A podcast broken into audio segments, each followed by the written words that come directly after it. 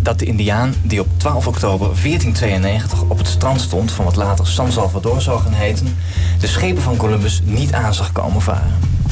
Hij zag alleen vreemde rimpelingen in het water, doordat hij zich een schip niet kon voorstellen. Mensen zijn zo sterk geconditioneerd dat ze alleen dingen kunnen zien die ze kennen en mogelijk achten. Zo luidt de moraal van het verhaal. We weten niet of het waar is. We weten wel dat het met de Indiaan slecht is afgelopen. In Schepen aan de Horizon praten we over de vreemde rimpelingen die we zien in de hedendaagse economie en samenleving. Van het leven off the grid tot petfleszwanen en van oervertrouwen tot kunstenaars en klaves. Van alles passeert de revue. Steeds vragen we ons af, wat zien we hier eigenlijk? En vooral, wat zien we niet? Maar komt wel recht op ons af.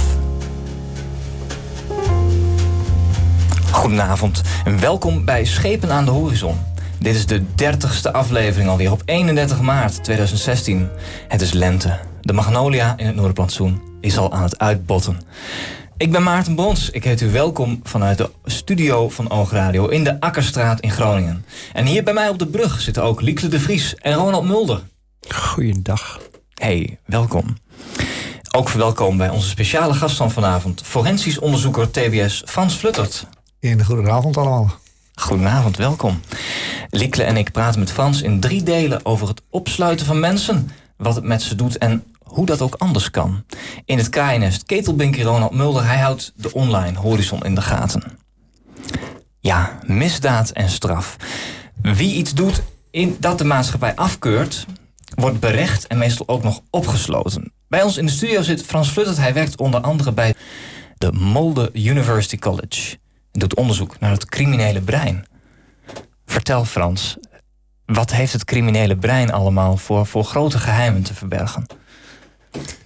Ja, we weten eigenlijk niet uh, heel erg goed wat zich in het uh, brein. Uh, ja, iets dichter, ja, iets dichter bij de microfoon. We weten eigenlijk niet zo heel goed wat zich in het brein allemaal afspeelt. En wat de gevolgen daarvan zijn voor het, het zichtbare gedrag. En de vraag is natuurlijk, wat speelt er in, zich in dat brein af? Dat uh, bij de gemiddelde burger, laten we zeggen, wij wel de controle denken te hebben. En dat bij sommige mensen, uh, bij sommige patiënten, die controle uh, er niet is. En nou ja, het is, wat je in de behandeling wilt, is eigenlijk dat je patiënten uh, leert om te begrijpen wat er in hun hoofd omgaat. Als ze dat zelf al leren, beter, beter leren snappen, ja. dan zijn we al een heel stuk verder. Ik denk dat dat een van de belangrijkste opdrachten is van de, zowel binnen de psychiatrie als de forensische psychiatrie. Dat wij als uh, behandelaren en uh, sociotherapeuten proberen te begrijpen uh, hoe het gedrag zich laat zien en wat het, waarom de patiënt bepaald gedrag laat zien. En dat wij ook proberen wat inzicht te krijgen in wat gaat er nu in de patiënt om. En kan die zelf ook begrijpen waarom die bepaalde gedragingen wel of niet kan controleren. Ik wilde je graag ook nog om een, om een kort historisch kader uh, vragen. Hoe is het eigenlijk zo gekomen? Ik bedoel, überhaupt met, met opsluiting. Want, en, en hoe komt het eigenlijk dat we dit nog steeds zo doen? Maar dat is een, een vraag die wellicht wat ver voert voor het eerste gedeelte. Ja, dat, ik zal het proberen uh, kort en beknapt in een wat historisch perspectief te plaatsen. Um, heel, heel vroeger, laten we zeggen begin deze eeuw, um, hadden we mensen die um, agressieve delicten plegen en die werden opgesloten. En uh, nou, toen, toen, was dat om de maatschappij te beveiligen en een stuk vergelding. Ja. Um, om een hele grote sprong te maken, in begin jaren 50 was er de Utrechtse school. Dat waren een aantal uh, heren gedragsdeskundigen, onder andere Pompen en Baan. En die hebben gezegd van ja, nou ja dat, en trouwens ook van Mesdag, van Ehm, als wij te maken hebben met uh, psychopaten, uh, personen die ehm, eh, criminele daden plegen. En waarbij de verwachting is dat die daden zich zullen herhalen als we niets doen. Dan kunnen we die mensen opsluiten. Maar we moeten die mensen eigenlijk een, een vorm van opsluiting bieden. Dat wij ze ook kunnen leren en kunnen begrijpen van waar het uit ontstaat. En op een andere manier daarmee omgaan dat we aan preventie kunnen doen. Zodat als ze weer terug de maatschappij inkomen, dat er dan iets verbeterd of genezen? Of hoe zal ik het zeggen? Nou, ik noem het zelf altijd beheersbaar maken. Het, het idee dat we uh, ontregeld of agressief gedrag kunnen genezen, alsof het er niet meer is, Dat is een, een, een denk ik een utopie. Um, als we erin slagen om de patiënt zelf te leren te herkennen wanneer de ontregeling zich aandient. En dat de patiënt ook zelf leert herkennen hoe de ontregeling, hoe hij het zelf kan merken en wat er dan gebeurt. Hmm. Dan kunnen we ook die patiënt leren om die ontregeling beheersbaar te maken. Het idee dat we alleen maar uh, burgers moeten hebben die vrij zijn van uh, boosheid, woede en agressie. Dat is een bijna onmenselijk uh, opdracht en dat zou je niet moeten willen. Nou, het is toch een mooi streven om daar helemaal vrij van te komen? Nou, ik denk dat emotie zit in de mens en zit in de maatschappij. Alleen emotie, agressie is een vorm van emotie, moet wel beheersbaar zijn. In die, die mate beheersbaar dat het niet beschadigend is voor andere mensen en dat het niet beschadigend is voor de mensen zelf. Um, maar we kunnen niet doen alsof de emotie agressie er niet meer zou zijn. Dan zouden we een soort robots willen hebben. Dus iets meer dan een eeuw geleden um, sloten we mensen op um, voor onze eigen veiligheid en om ze een straf te geven. Um, en halverwege de vorige eeuw kwam daarbij van wacht even. Misschien kunnen we ze leren omgaan met hun uh, bijvoorbeeld psychose of een aanleg voor psychose. was dat dan ook met de bedoeling om ze uh, weer volledig zonder toezicht in de maatschappij terug te laten gaan? Of? Nou, het, het, het idee om over het ontstaan van de TBS-kliniek, want daar hebben we het al eigenlijk over. Het oorspronkelijke idee is dat als je patiënten opneemt in een gemeenschap, een kliniekgemeenschap, die voor hun uh, uh, veilig is, waar ze mensen ontmoeten therapeuten ontmoeten die proberen te begrijpen wat er in hen omgaat en dat ze leren eh, te leven en te werken binnen die kliniekgemeenschap. En de eigenaardigheden en de oneigenaardigheden van, zijn eigen, van een gedrag, uh, dat, dat daarmee mogen kunnen experimenteren. Dan word je niet alleen een beter mens, maar dan kun je ook beter begrijpen waarom bepaalde emoties de overhand nemen. En de TBS-klinieken eh, zijn daarom van oorsprong eigenlijk kleine kliniekgemeenschappen en geen hele grote instituten. Vanuit het idee van ehm, ehm, als je mensen ontmoet binnen veilige kaders, en er zijn ook beveiligde klinieken, en uh, het wordt therapeutisch als wij uh, samen met de patiënt proberen te, te begrijpen van hoe gedrag, zich, hoe gedrag ontstaat en wat er in het brein um, in het denken en in het voelen uh, wat de drijfveer erachter is, dan kunnen we ook patiënten leren dat gedrag te sturen. En dan binnen een, niet alleen een beveiligde omgeving in de zin van de maatschappij, maatschappij beveiligen tegen uh, gevaarlijke patiënten, ja. maar ook uh, een beveiligde omgeving, een veilige omgeving eigenlijk voor de patiënten zelf, dat ze weten binnen deze kleine, ik noem het wel eens een, een kliniek is soms net een klein dorp, hè, een afgeschermde veilige omgeving uh, kan ik redelijk mezelf zijn en uh, word ik ondersteund. Je zou er als reguliere crimineel in een gewone gevangenis bijna jaloers van worden. Het is geen gevangenisregime. Het gaat niet om straffen of belonen. Um, wij hebben geen bewakers, maar wij hebben sociotherapeuten. Dat zijn medewerkers die geleerd hebben om uh, gedrag uh, te duiden. Die ook geleerd hebben om niet uh, heel zenuwachtig te worden als het gedrag is uit de pas loopt en ook wat agressiever wordt. Die kunnen daar adequaat op reageren. En dat is voor patiënten die in de kern vaak toch um, um, niet zoveel grip hebben op het gedrag en ook vaak wat angstig zijn. Uh, wat dat uh, betekent uh, voor zichzelf en voor anderen, is dat een, hele veilige omgeving. En veilig in de zin van ehm, de, de, de betrekking tot anderen. Niet veilig in de zin van ontvluchten of veilig in de zin van het wordt gevaarlijk, maar veilig in de zin van emotie en sociale relaties. En dat is in de gevangenis echt, daar heerst een andere sfeer.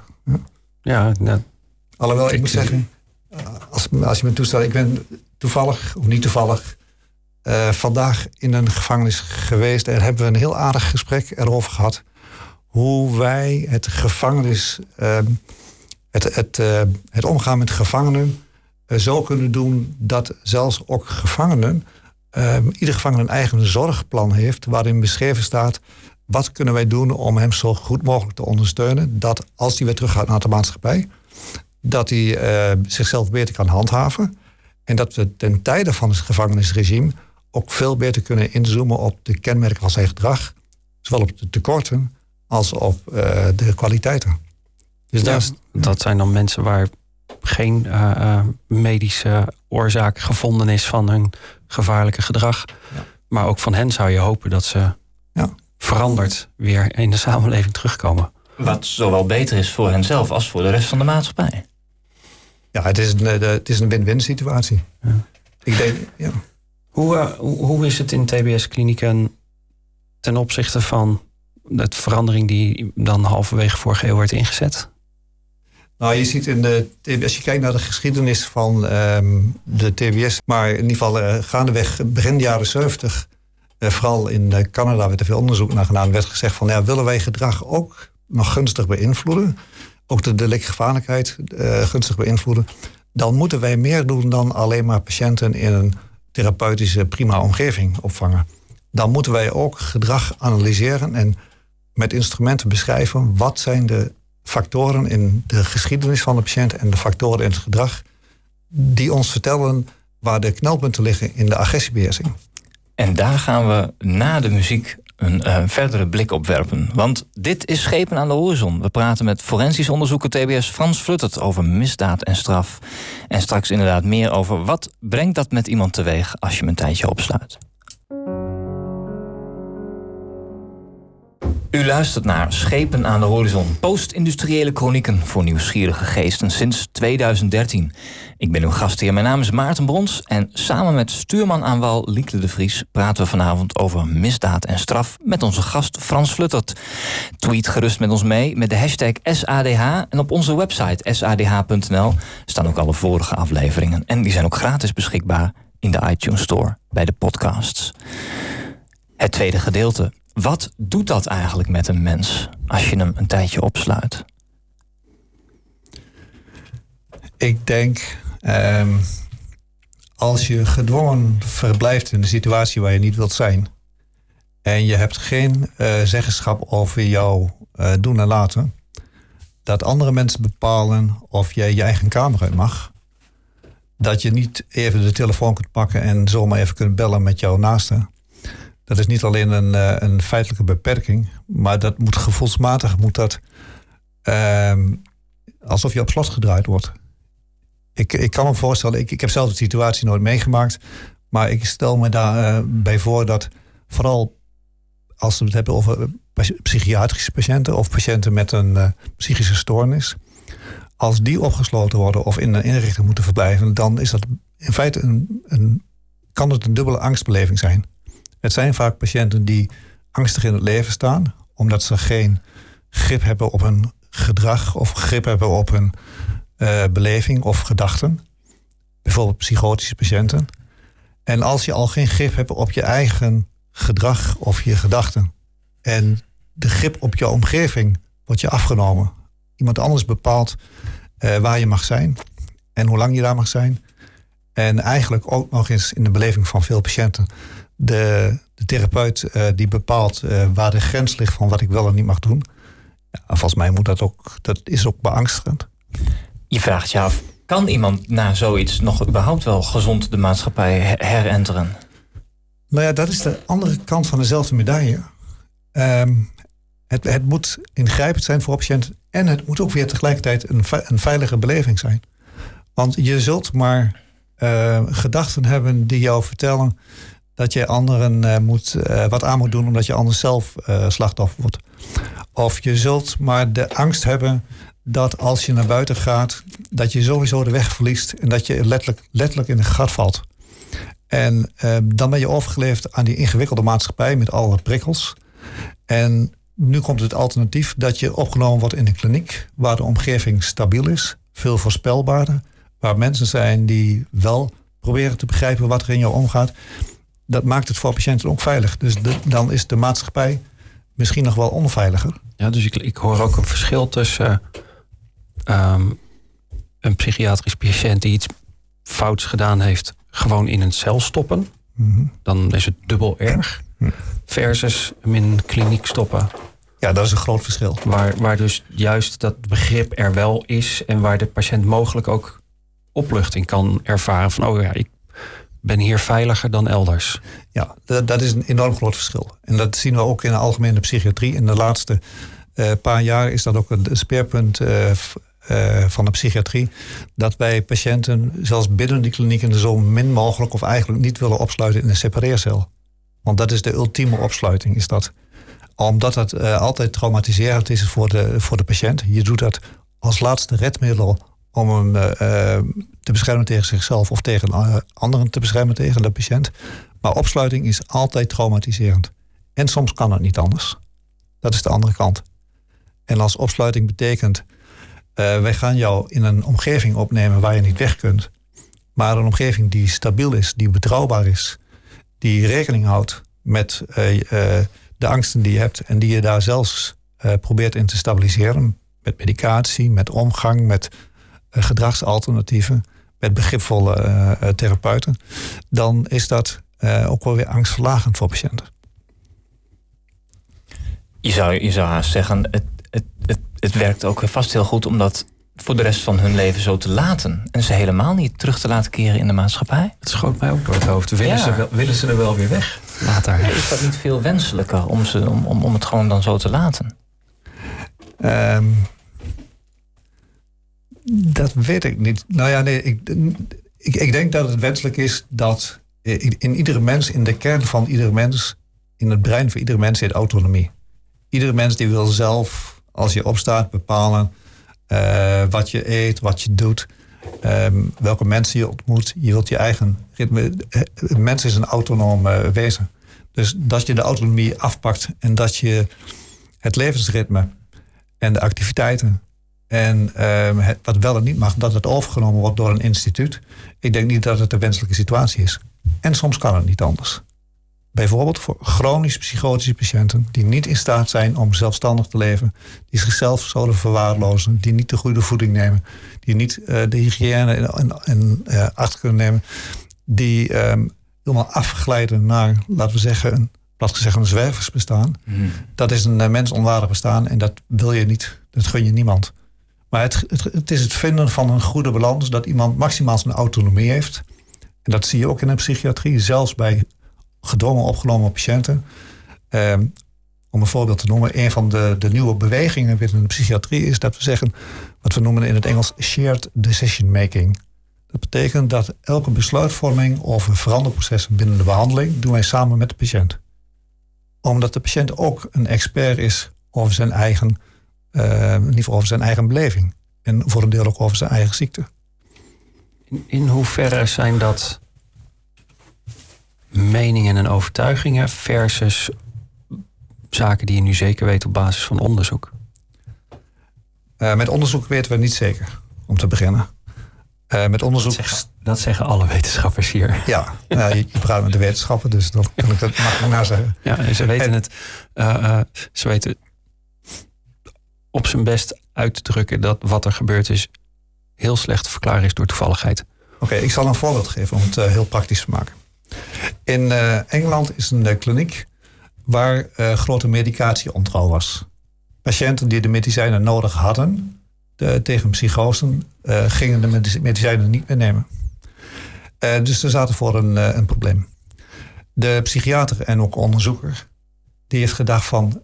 wij kunnen heel erg hameren op dat de patiënt medicatietrouw moet zijn...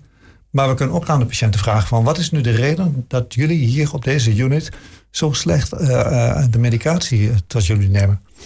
En om het heel kort uh, te maken, het resultaat van het onderzoek was dat patiënten vanuit een angstbeleving niet vertrouwden wat er in de tabletten zaten. En toen hebben de, de behandelaars gevraagd, maar wat zou een alternatief zijn dat bij jullie het vertrouwen toeneemt? En toen zei de patiënt van, als jij ons spray geeft, mondspray, net als bij spray tegen benauwdheid, uh, dat zijn wij gewend. En uh, uh, dat is voor ons makkelijker te accepteren dan tabletten.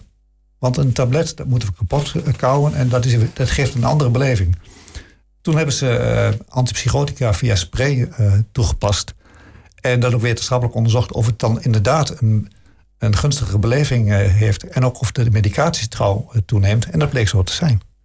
Dus dat was, ik vond dat zelf een heel mooi, bijna metaforisch voorbeeld dat ehm, als je patiënten vraagt, uh, als je de autonomie erkent en de patiënt ook als expert uh, erkent, en je probeert met wetenschappelijke veranderprocessen ook goed te volgen wat het effect daarvan is, dat, dan, dat je dan ziet dat je goede resultaten hebt. Klinkt ook Rogeriaans. Want was het niet ook Carl Rogers die zei: de patiënt kent zichzelf het beste? Uh, inderdaad. En, en eigenlijk, het zijn uh, ja, de, golf- en cirkelbewegingen die ook steeds terugkomen. We noemen het nu dan shared decision making of adherence. Het idee nu is, en dat merk je ook op congressen steeds meer, dat we niet moeten streven naar compliance. Of van, patiënt, ik geef u een tabletje en het is goed als u dat inneemt. Maar we streven naar adherence, dat is veel meer samenwerking. Dat gaat veel meer over uh, interactie, uh, over en weer, uitwisseling van uh, kennis. En wetenschappelijk is wel aangetoond dat als patiënten meer betrokken worden bij de behandeling en als het zelfmanagement erkend wordt, en in mijn eigen onderzoek is dat eigenlijk de kern van wat wij noemen vroegsignalering als vorm van signaleringsplannen, ehm, dan zien wij dat, dat, dat um, in ons geval daarmee de agressie ook significant, noemen we dat dus betekenisvol, is afgenomen. En nu wordt het interessant. Als ik kijk naar mijn eigen onderzoek, welke subgroep patiënten hebben het beste gereageerd op signaleringsplannen? En dat waren de patiënten met persoonlijkheidsstoornissen die het minst gemotiveerd waren. Maar het waren wel de patiënten die wekelijks uh, elke week betrokken werden bij de, de invulling en de uitvoering van een signaleringsplan. Dus we hebben daar ook wel wat we wisten is ook bevestigd. Als je de goede samenwerking zoekt met patiënten, zelfs als de patiënt zich misschien wat vijandig opstelt of afwerend opstelt of zegt: Ik heb er eigenlijk geen zin in. Maar als de therapeut blijft koersen op de samenwerking en erop hamert: Dit is iets wat wij samen gaan doen om jouw gedrag beheersbaarder te maken, dat het uiteindelijk een gunstig effect heeft. En er zijn meer wetenschappelijke studies die aantonen dat uh, wat we noemen samenwerking met de patiënt dat het een gunstig uh, uh, effect heeft op de behandeling. Is het, dan, is het ook niet zo dat door met signaleringsplannen te werken, je de patiënt ook een beetje zijn eigen nou, verpleger, behandelaar maakt? Dat, dat het dus ook op die manier door de patiënt betrekt in nou, actief handelen? Ja, wij noemen het een. Uh, pardon, een zelfmanagement uh, uh, benadering.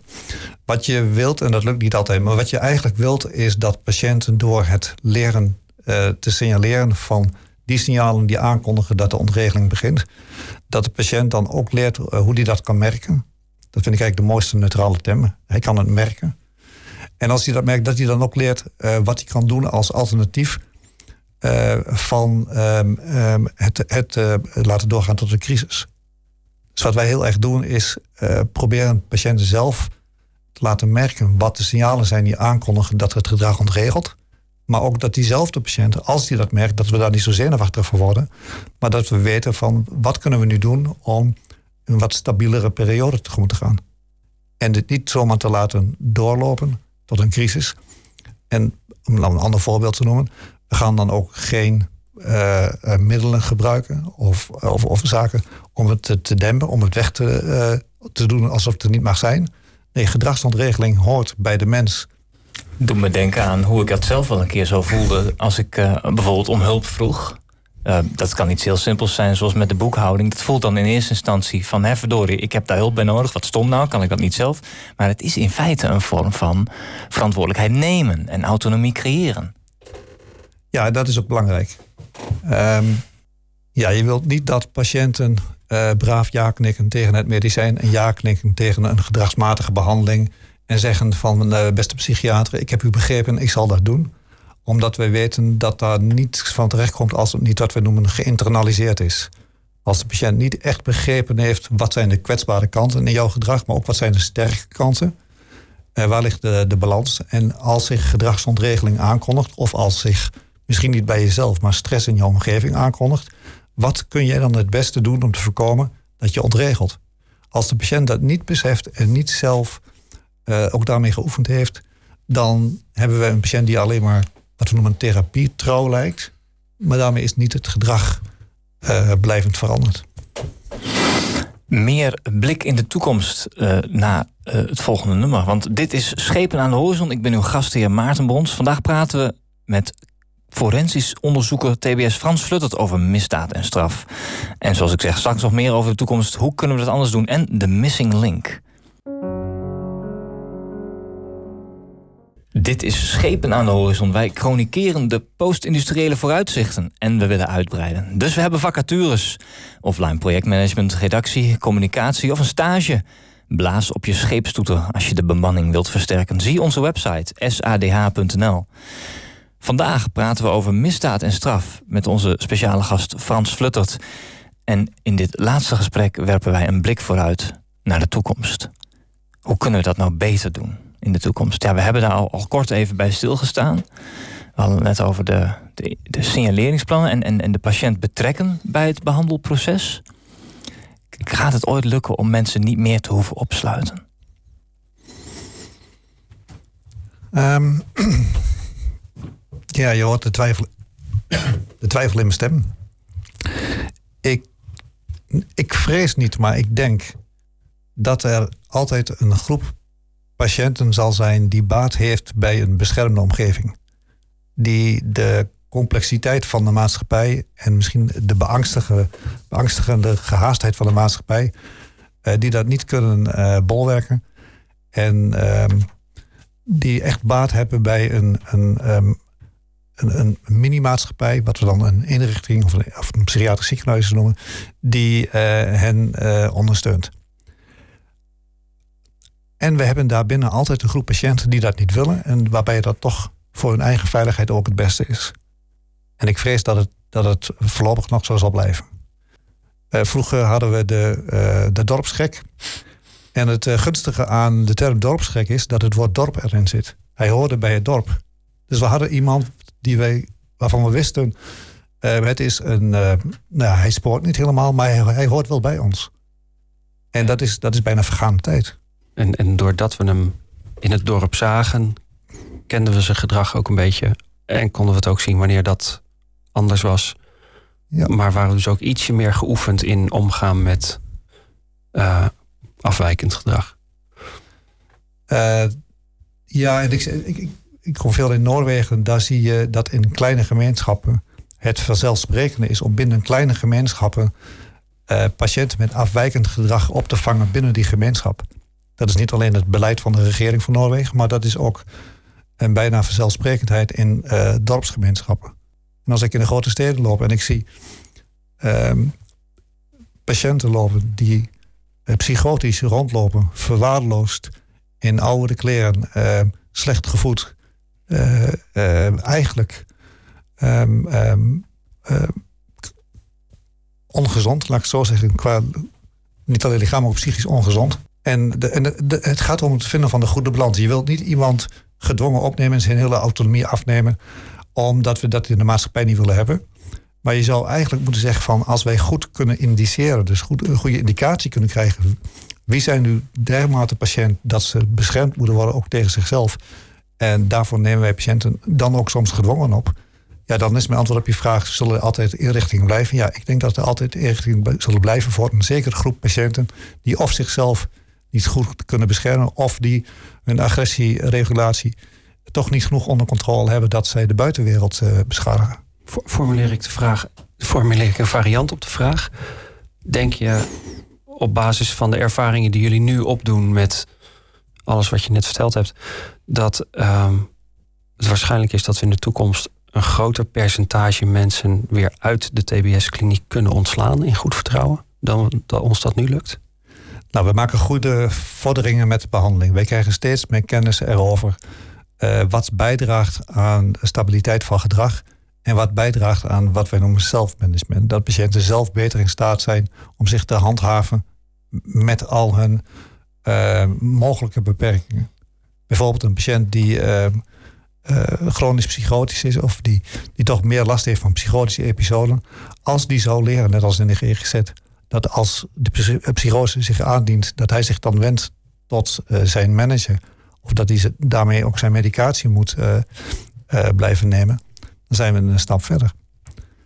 En er zullen ook altijd patiënten blijven die dat ehm, niet kunnen, waarbij het niet, zo, niet gunstig verloopt. En dan heb je het over de long stay, de langdurig verblijfspatiënten. En die, de rest van hun, die de rest van hun leven nog begeleiding zullen blijven nodig hebben? Ja, binnen het forensische, de forensische zorg hebben wij een kleine groep patiënten die uh, niet alleen die uh, ondersteuning nodig hebben, maar waarbij we hebben een ingewikkelde opdracht. Wij moeten zowel de maatschappij beschermen tegen de, laten we zeggen, de ontregeling en agressie van de patiënten. En wij hebben de opdracht als behandelaar om patiënten in de behandeling voor te helpen. En dat is, dat is een hele complexe opdracht. En zolang patiënten Um, zolang wij niet het vertrouwen hebben, of de, of de rechter uiteindelijk er geen vertrouwen in heeft dat de maatschappij uh, gevrijwaard wordt van, van de agressie en de gedragsontregeling, dan zullen wij die patiënten moeten opvangen. Maar dan wel op een humane wijze.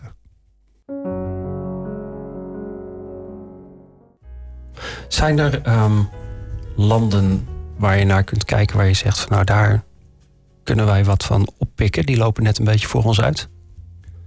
Ik zit in een uh, Europees uh, netwerk van uh, forensische onderzoekers. En wij zijn het allemaal met elkaar eens. Ehm, de, de contexten verschillen en de culturen verschillen.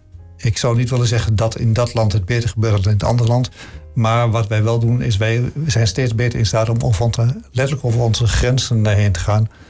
Um, en ook over de grenzen van onze discipline uh, te kijken. Om uh, te zien van waar we veel beter kunnen samenwerken en kennis kunnen ontwikkelen. Kennisontwikkeling, kennisuitwisseling.